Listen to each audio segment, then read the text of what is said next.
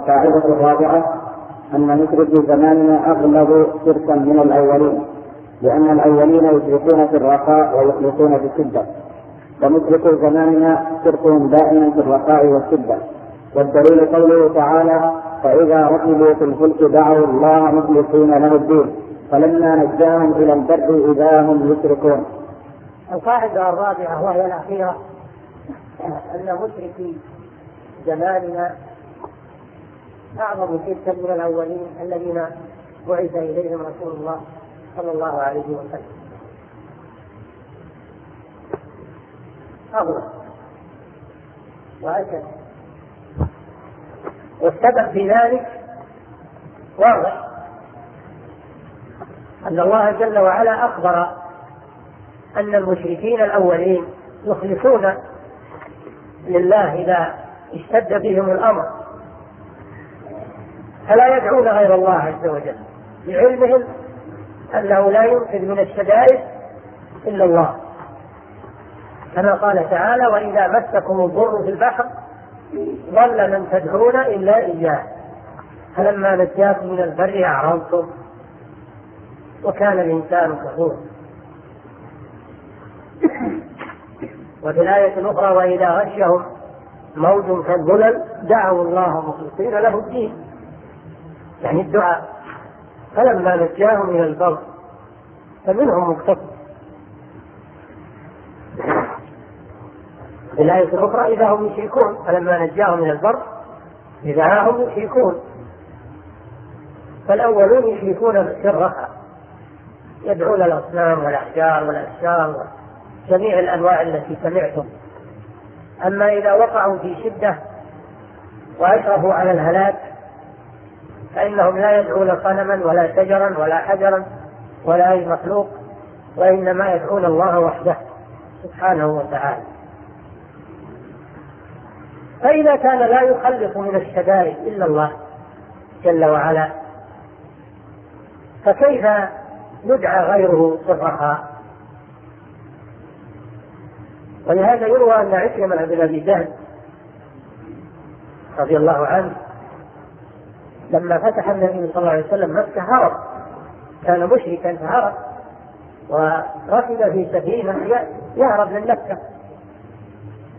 فلما كانوا في البحر جاءهم الموت وأشرفوا على ذلك قالوا أخلفوا.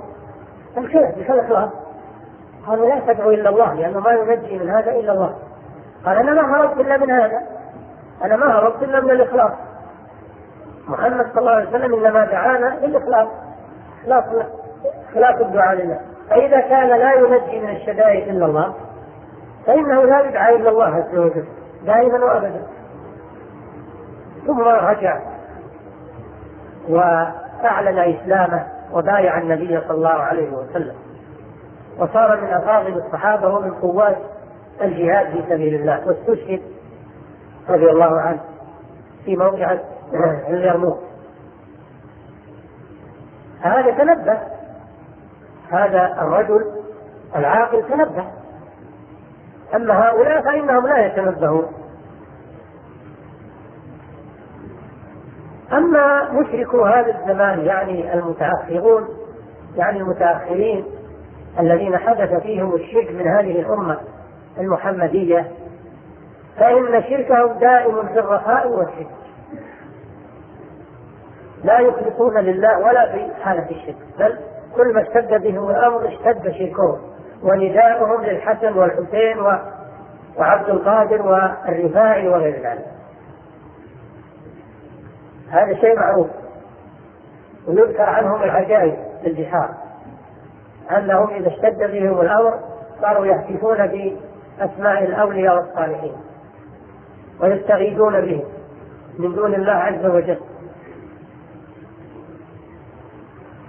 لأن دعاة الباطل والضلال يقولون لهم نحن ننقذكم من من من من البحار.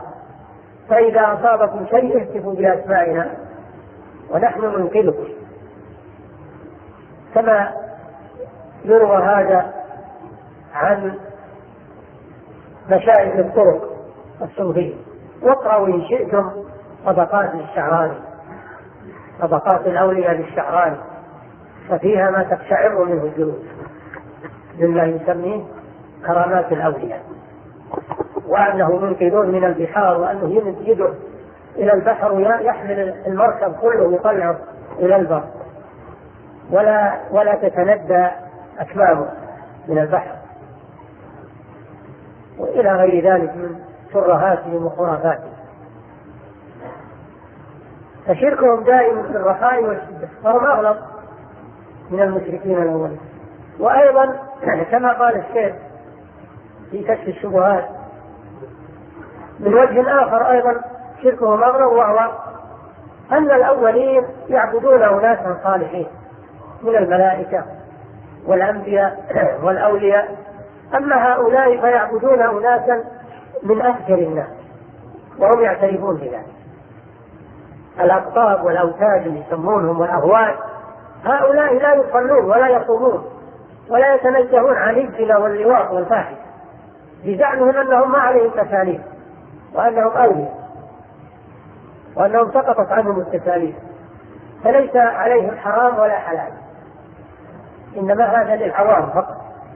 وهم يعترفون بهذا أن سادتهم ما يصلون ولا يصومون وأنهم لا يتورعون عن فاحشة ومع هذا يعبدونه. يعبدون أناسا من أفجر الناس. كالحلاج وابن عربي والرفاعي والبدوي وغير ذلك.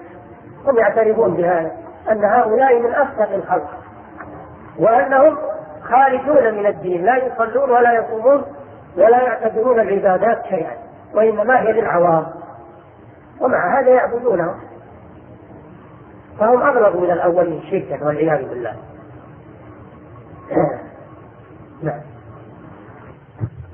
فإذا ركبوا في الفلك دعوا الله مخلصين له الدين ولما نجاهم إلى البر إذا هم يشركون. الدليل على أن المشركين المتأخرين أعظم وأغلب شركا من الأولين أن الأولين يخلصون في الشدة ويشركون في الرخاء. والدليل هذه الآية فإذا ركبوا في الفلك دعوا الله مخلصين له الدين. عندما يصطدم بهم البحر إذا دعاه أما أما يجيب المضطر إذا دعاه ويكشف السوء ويجيب دعوة المضطر ولو كان مشركا. هذا من كرمه سبحانه وفضله وجوده. أنه يجيب دعوة المضطر ولو كان مشركا. أما هؤلاء فكما ذكر الشيخ شركهم دائم في الرخاء بل في الشدة أعظم. يرفعون الصوت وكل من سافر معهم يذكر ما يقع منهم في حالة اضطراب البحر ويذكر أصواتهم في الاستغاثة بالأولياء والصالحين نعم. على كل حال الحمد لله انتهت القواعد الأربع.